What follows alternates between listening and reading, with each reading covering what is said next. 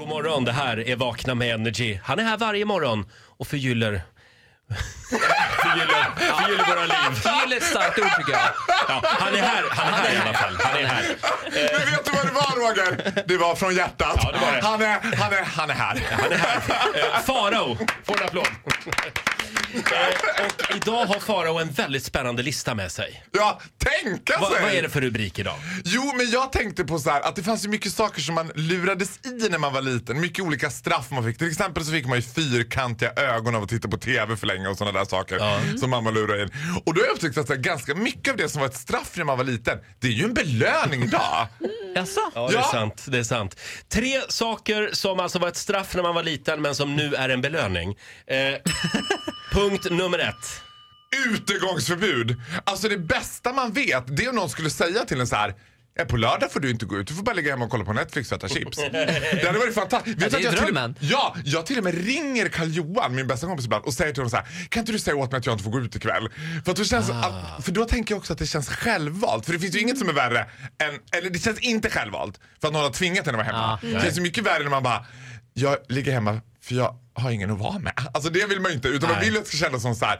Ja, alla ringer, alla vill ses, jag har så mycket grejer att gå på. Men jag får inte för Karl-Johan. Du kan ju be din mamma också höra av sig och säga. Ja, Farao, det skulle nu är jag det kunna. utegångsförbud. ja, nu är det nog. Jag var ute och springer för mycket. Ja, men det ligger mycket i det. Men vi kan ge dig utgångsförbud Mm. Ja. ikväll. Det vore Mm. nog lämpligt till och med. Punkt nummer två. Det här är min favoritpunkt. Alltså det värsta man visste, det var ju mammas favorithot. Det var ju att man inte skulle få gå på någons födelsedagskalas. Det här var i regel alltid de födelsedagskalasen som var på McDonalds också, för det var ens favoritfödelsedagskalas. Nej, du får inte gå på Fridas födelsedagskalas när du har betett dig så här. Och idag tänker jag, halleluja. Och någon skulle säga bara, nej, det blir inte Therese och Mickans födelsedagsfest på lördag för dig. Ja! Yes! Men Yes, förlåt, yes, yes, vad, jag tycker det är jätteroligt med födelsedagskalas. Nej, det är det ju alltså inte. allra helst inte när de skriver så här. Vet du vad mina kompisar börjar skriva i sina förbannade jävla födelsedagsinbjudningar? Nej. Eh, paket är inget måste, men uppskattas. Men Bara, gud, det Nej men var really? Men Ja. det får man inte göra. Nej, jag tror får inte. sluta ha snikna kompisar.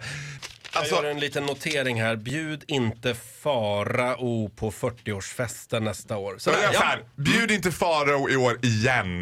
Hörru, Du, du har varit bjuden på alla mina fester. Ja, det har jag faktiskt. Förlåt. Eh, jag nu är ska så vi se. försmådd. Punkt nummer tre. Jag fick inte titta på nyheterna när jag var liten. För Mamma tyckte att men det där kommer du inte förstå. Det blir alldeles för läskigt och otäckt. Och, och ska du gå och fundera över det där? Och idag så tänker jag thanks God! Ja. Om man slapp. Om man bara kunde hoppa över nyheterna liksom. Nej, Farao, du borde se en Men det nyhetssändning här per dag. jobbiga avbrottet Nej. Ah. i 22-filmen på fyran. Hatar det. Kommer Bengt, Ma- Brumm-Bengt in och ska förstöra Kommer mitt i filmen? verkligheten in Ja. Ja, men också? det är som att Ja. Brunnbänkt kommer in och ger henne en smack in the face. Just as you know, this is real shit. Boom! Precis, man var mitt inne i filmen och man mådde så bra. Jaha, det var det det liksom. Jävla Mm. Ah. Och det TV4. kommer inte så mycket konstruktiv i nyheterna hela tiden. Det är mest Gör det bara- inte? Nej. Konstigt.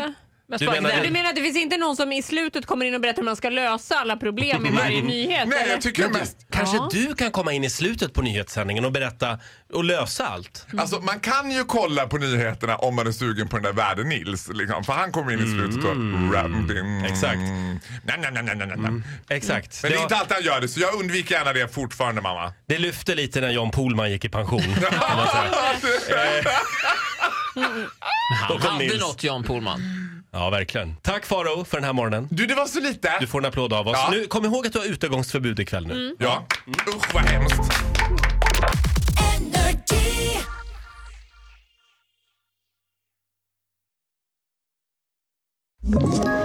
Ett poddtips från Podplay.